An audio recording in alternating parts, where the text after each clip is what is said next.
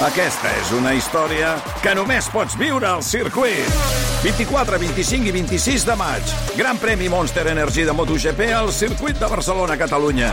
Compra ja les teves entrades a circuit.cat.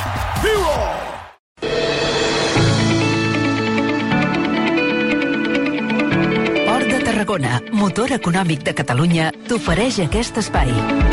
Aquesta hora deixeu-me saludar el catedràtic d'Economia de la Universitat de Colúmbia, Xavier Sala i Martín. Xavier, bona tarda. Hola, molt bona tarda. Gràcies per acompanyar-nos. Eh, suposo que content perquè casa la República Dominicana en deus tenir segur ja, no? No, hi vaig sovint, però a casa no tinc, no. Vaig a un hotel. Home, ho dic perquè aquests dies has estat, que ho he vist avui al Twitter, convidat pel Defensor del Poble i també altres institucions. Has estat a, en una universitat pres, precisament parlant de l'índex de competitivitat global, no? No sé, quina, quina, quina opinió tenen d'ús i què volien ser exactament? Què els has anat a explicar? Sí, deixa començar amb una, amb una curiositat, perquè molt sovint es diu que, el, que jo sóc el pare de l'índex de competitivitat, sí. és veritat que sóc l'autor, que, que el, va, el que el va crear, però no el vaig crear sol. I, i de fet el vaig crear eh, quan, eh, diguem, amb una, eh, una estudiant que en aquell moment estava estudiant a la Universitat de Harvard i que, i que, i que va ser coautora meva. I aquesta, aquesta estudiant després s'ha fet va, va, va deixar el món acadèmic, va anar, va anar a, a, a, des professora a Itàlia i altres llocs, però després va deixar el món acadèmic per passar al món polític i avui dia la coneixeu tots i no és ningú més que la Elsa Artadi. Ah. És a dir, que el, el, els pares de l'índex de, de competitivitat sóc jo i també la Elsa Artadi, almenys l'índex original que es va crear l'any 2003. Tot això passava ja fa gairebé 20 anys. Uh, doncs bé, el tema, de, contestant a la teva pregunta de la, del que passa a la República Dominicana, doncs sí.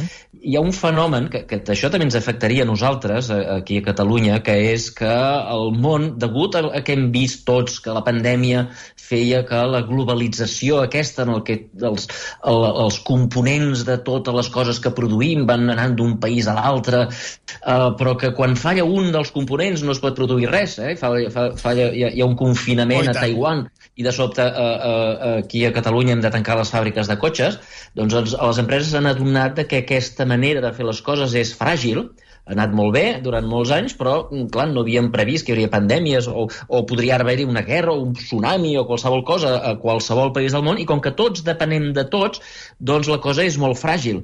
I aleshores les empreses que van, van estar en un procés de deslocalització durant dècades, doncs ara estan tornant a un procés que s'anomena de relocalització. És dir, una gran part de, la, de les empreses, de les indústries que se'n van anar sense pensar-s'ho a països barats com són eh, països, salaris baixos com són els països asiàtics, doncs ara moltes estan intentant o bé tornar totalment o com a mínim posar fàbriques més a la vora dels centres de consum, en aquest cas d'Europa i dels Estats Units. I la República Dominicana, com que estan just al costat dels Estats Units, doncs són, estan intentant atraure aquest tipus d'indústries i per això doncs, em demanen consell a mi diguem, perquè per atraure aquestes indústries doncs, han de ser competitius. La pregunta és com es fa que un país sigui competitiu. I dic que tot això ens afecta a nosaltres perquè nosaltres també som candidats a, treure, a traure algunes d'aquestes indústries. Totes les ciutats industrials, diguem, Sabadell, Terrassa, sí. Igualada, Manresa, tots aquests que vam perdre, vam perdre les indústries sí, als anys 70... El tèxtil, el cas de Sabadell, eh, el conec ben bé. Exacte. Doncs, eh, doncs aquestes ciutats industrials, aquestes regions industrials que hi ha per tota Europa i que van perdre les indústries, doncs ara són candidates a recuperar com a mínim una part d'aquestes indústries i jo crec que diguem, els nostres dirigents haurien d'estar parant atenció perquè això que fa la República Dominicana d'intentar posar les bases per atraure aquesta indústria, perquè això crea llocs de treball de salaris elevats, perquè la indústria és, diguem, té salaris normalment més elevats que no pas els serveis, que no pas el turisme, doncs, eh, doncs és una cosa que hauríem de, de parar més atenció perquè és una oportunitat històrica. Un cop aquesta indústria s'instal·li al sud de França, ja no s'instal·larà a Terrassa, eh? o sigui ja. que és l'oportunitat ara d'aconseguir-ho i crec que tenim una oportunitat Doncs mira, molt interessant, molt interessant. Tant de bo sigui així. El cas de Sabadell ja en parlarem un altre dia, mm. perquè el recuperar el que ella es va perdre, vaja, ho, ho veig feina, molt, ho veig molt complicat. Eh? Mm. Tenim un taler a l'entrada de la ciutat mm, que el tenim uh, agafant pols. Bueno, avui parlem d'una altra qüestió que també molt interessant, que és la figura de, de Mancio Ortega, perquè acaba de rebre 859 milions d'euros. Aquesta xifra correspon al primer pagament de dividend a, a compte del 2021, per fer-vos una idea, això vol dir que el dia del cobrament, el dia del cobrament, va ingressar 36 milions d'euros 36 milions d'euros cada hora. En total, aquest any Ortega rebrà més de 1.700 milions d'euros en concepte de dividends, 500 milions més que en l'exercici anterior. A veure, com es passa de ser un ciutadà normal i corrent, que ja he explicat mm, moltes mm. vegades, que si la bata i tot sí, allò, sí. a ser una de les persones més riques del món? I quina visió empresarial hi ha pel mig, eh, Xavier? L'èxit doncs, té, no té massa secrets, diguem, tenir treball, treball, treballar molt, eh, tenir moltes idees i sobretot, sobretot tenir molta sort. Uh, i aquest senyor les ha tingut les tres, no?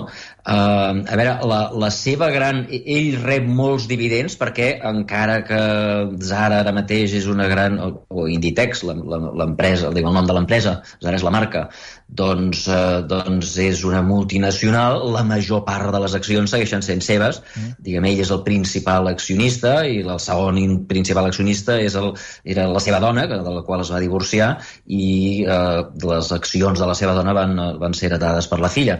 Per tant, els principals accionistes són el pare, ara mateix el pare i la filla, i per tant, quan una empresa divide, eh, reparteix dividends, doncs el que té més accions és el que més cobra, i ell, com que té més de la meitat, doncs cobra més de la meitat. Mm. Val? Llavors la pregunta és com és que ha creat una empresa que és capaç de generar tants beneficis? I la resposta és que va, va transformar ell, va, ell és el responsable de transformar un dels sectors tradicionals, un dels més antics de la història, eh, que és el sector del, del, de vestit, del vestit, el sector de la moda, no?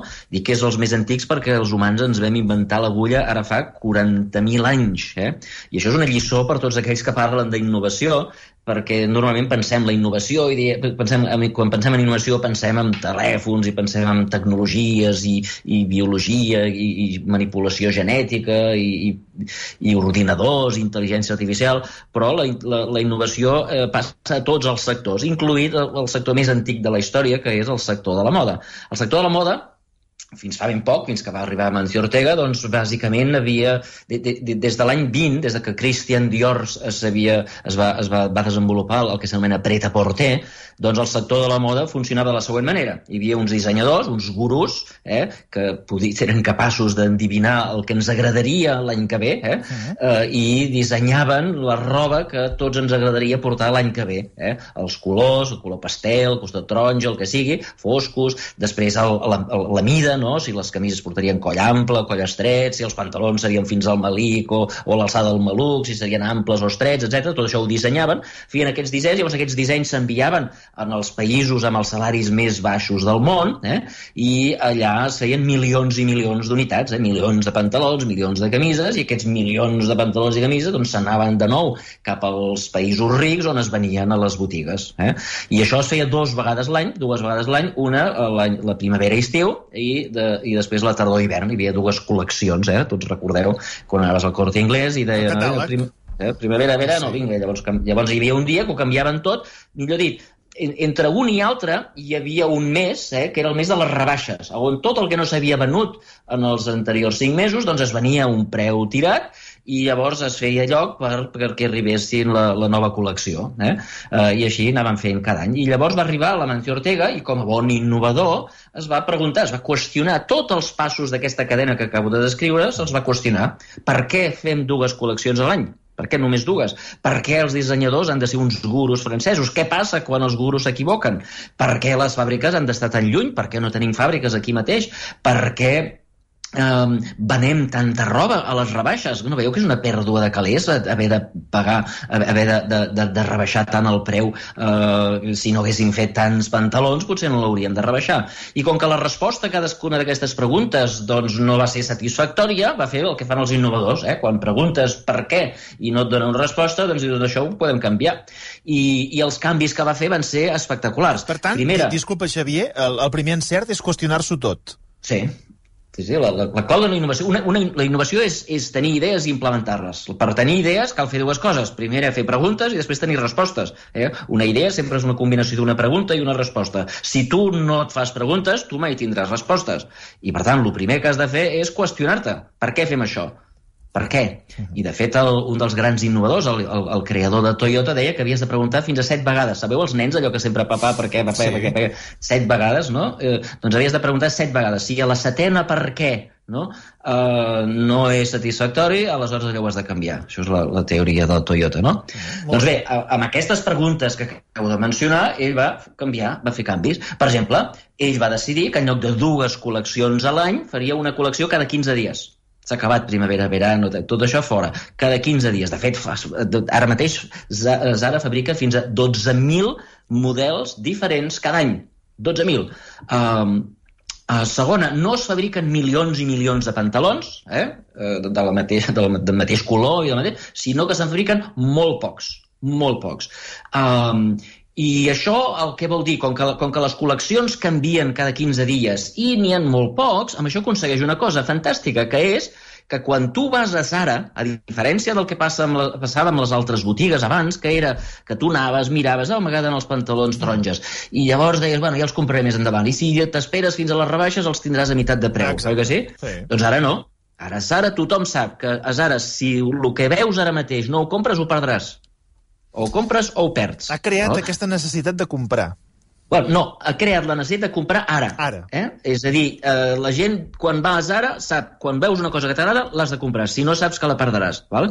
Però què més? Com que com que, eh, eh, diguem, en lloc d'haver-hi dues col·leccions a l'any, eh, si tu vas a una botiga, no, vas a Christian Dior i hi ha el mateix durant sis mesos, no cal que hi vagis. Hi vas una vegada, ja saps que de la setmana que ve, fins a l'estiu, no hi haurà una nova col·lecció, no cal tornar-hi. I, però, com que a, a Zara hi ha moltíssimes col·leccions, cada 15 dies diferents, doncs la gent va a la botiga més vegades. I els números són espectaculars a, a Zara, els clients típics de Zara van a, van a la botiga 17 cops a l'any. A la competència hi van només 3 cops a l'any. Eh? Només per canviar això de, la, de les dues col·leccions versus una col·lecció cada 15 dies. Fixa't que els clients típics van a la botiga molt més sovint i, a més, cada vegada que van o compren o ho perden. Per tant, compren molt més sovint. Mm. Està clar? Um, i, I és més, com que no hi ha moltíssimes coses, moltíssimes coses, totes s'esgoten. No cal tenir un mes de rebaixes on les coses les vens tirades de preu, potser en pèrdues. De manera que mm, els, els clients hi van molt més sovint. Cada cop que hi van i com, compren i tot el que es compra es compra a preu total. No es compra mai o, o molt poc a preu rebaixat. Eh? De manera que els marges, malgrat que els preus siguin baixos, malgrat que no sigui una cosa extraordinàriament cara, els preus són assequibles, però eh, com que no són mai a preu rebaixat, sempre el marge és un marge gran. Eh? I per tant, eh, fixa't que mm, els clients van molt sovint, cada cop que hi van compren i compren a peu total, no, en lloc de preu rebaixat, els beneficis es disparen. No?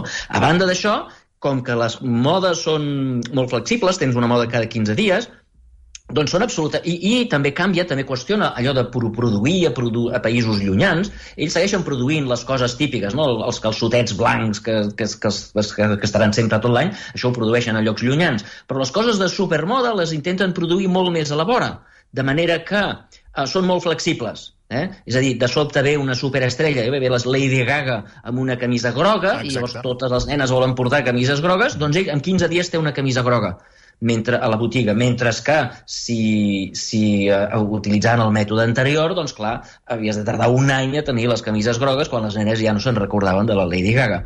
És a dir, que són molt més flexibles i per tant poden satisfer molt més el que vol la gent i això ha generat, doncs, com veieu, uns beneficis extraordinaris. Um, diguem, durant dècades ha anat pujant, pujant, creant botigues a tot arreu, ara té milers de botigues arreu del món uh, i ven una quantitat espectacular utilitzant aquesta innovació, aquesta metodologia innovadora, i això és el que li ha fet que, convertir-se, a diferència dels altres, eh, dels altres que també tenen botigues de roba, doncs ell s'ha convertit en el gran èxit de les darreres dècades, fins que al punt, fins al punt de que els altres ho estan copiant.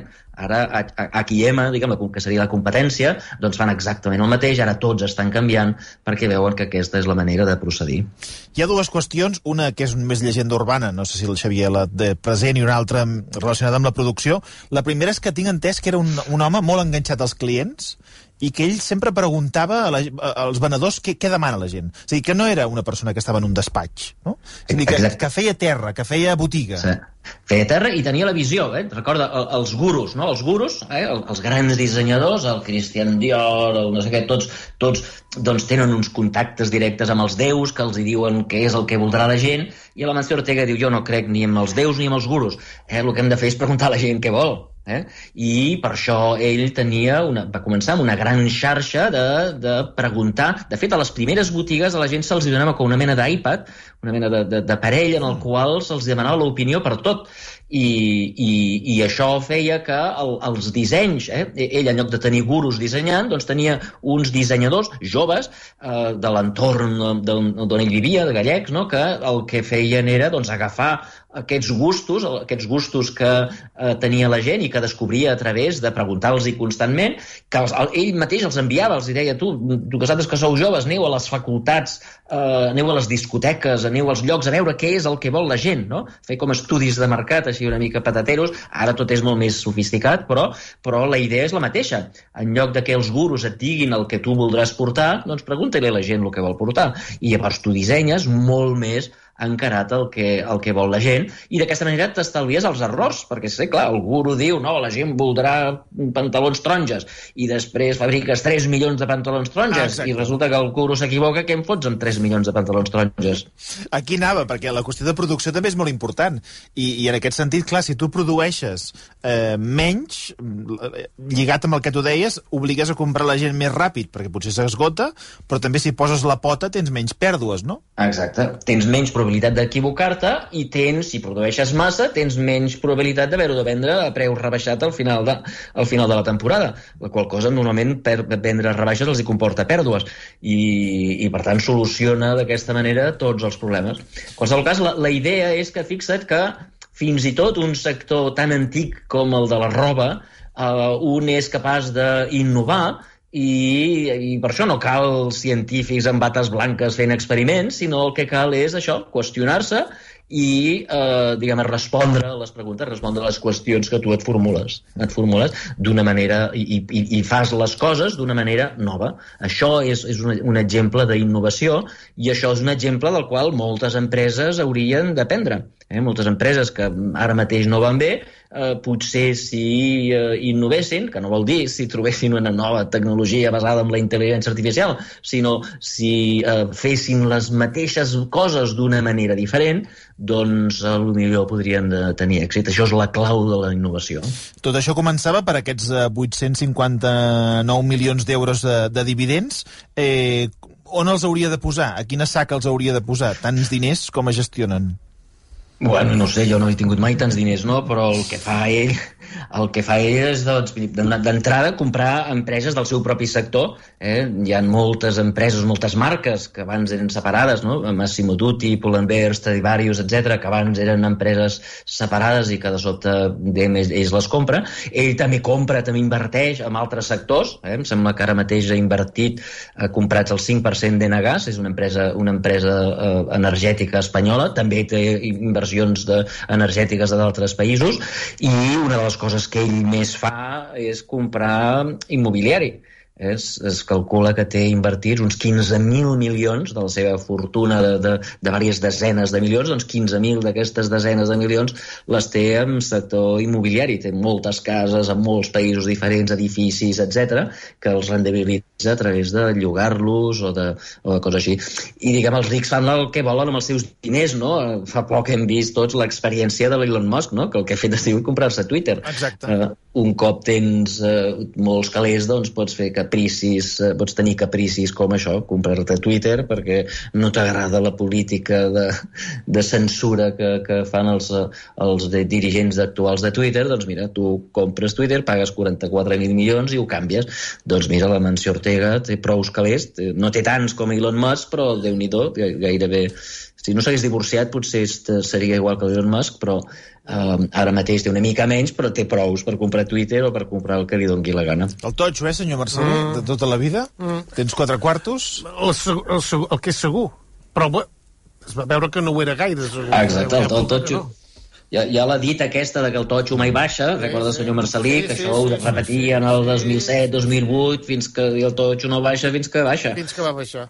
Fins que baixa i, i el, ni tan sols el totxo és segur i, i de fet ara que de, els últims dies en aquest programa recordeu hem parlat de que els governs els bancs centrals estan lluitant contra la inflació a base de pujar tipus d'interès sí. doncs quan passi això el primer que patirà és el totxo eh? perquè el, diguem, el totxo és, el, és el, la, la, la, les vivendes són el producte diguem, característic, el, el més característic que comprem a crèdit. Eh?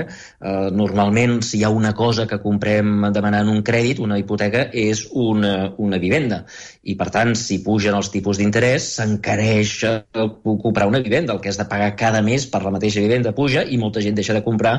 I, per tant, els que més reacciona, el sector que més reacciona a les pujades de tipus d'interès és el sector immobiliari i si és veritat que les autoritats estan, estan orientades a lluitar contra la inflació, inflació, com hem discutit, insisteixo, en aquest programa moltes vegades, doncs els tipus d'interès van cap amunt i el preu de la vivenda, per tant, va cap avall.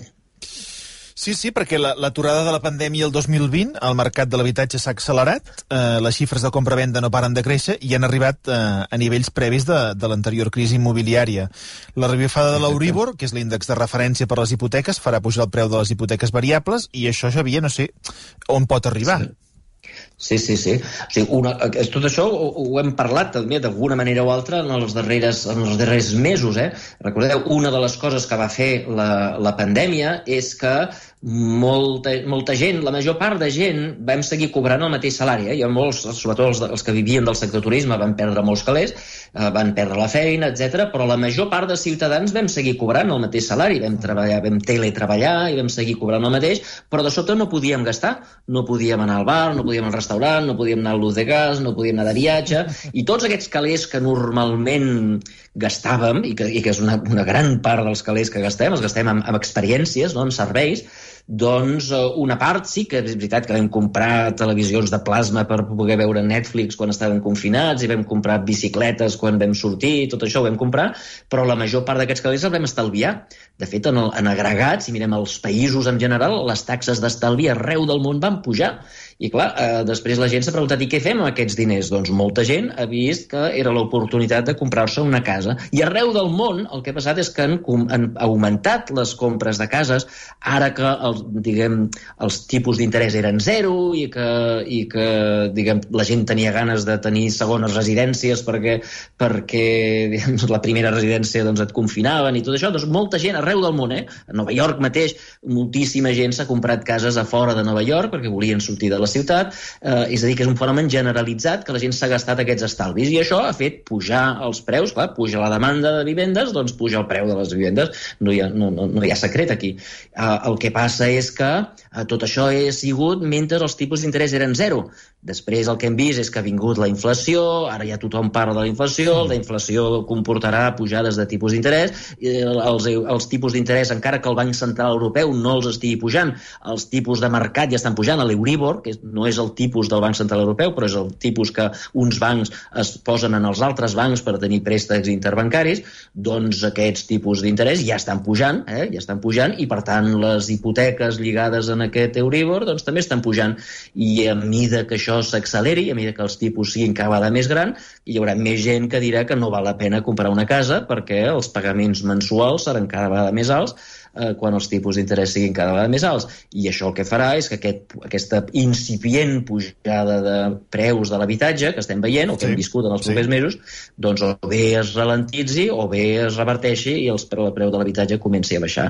Eh, ja veurem què passa, tot dependrà de, de si la inflació segueix, no? ara aviat sabrem les dades del mes d'abril, i sobretot de si els bancs centrals doncs, acceleren les pujades d'interessos, si els tipus d'interès van cap amunt, el preu de la casa anirà cap avall. Ja ho he vist, eh? Teníem quatre duros que els vam estalviar per la pandèmia i, escolta'm, ja gastats i... Sí, i busca'ls. I busca'ls. No, Xavier... millor, millor, comprar, millor invertir-los en una casa que no haver-los begut amb whisky. Això. No, no, home. Això sí, això sí. Xavier, un, un plaer escoltar aquestes explicacions i intentar posar-nos eh, en la pell i en el cap de persones que, escolta'm, eh, fent bates, mm. doncs han arribat a, a tenir un imperi i entendre una miqueta millor com, com funciona la seva manera de, de veure els negocis. Xavier Sala i Martín, una abraçada, moltíssimes gràcies. Una abraçada, fins aviat. Fins aviat, adéu-siau. Adéu.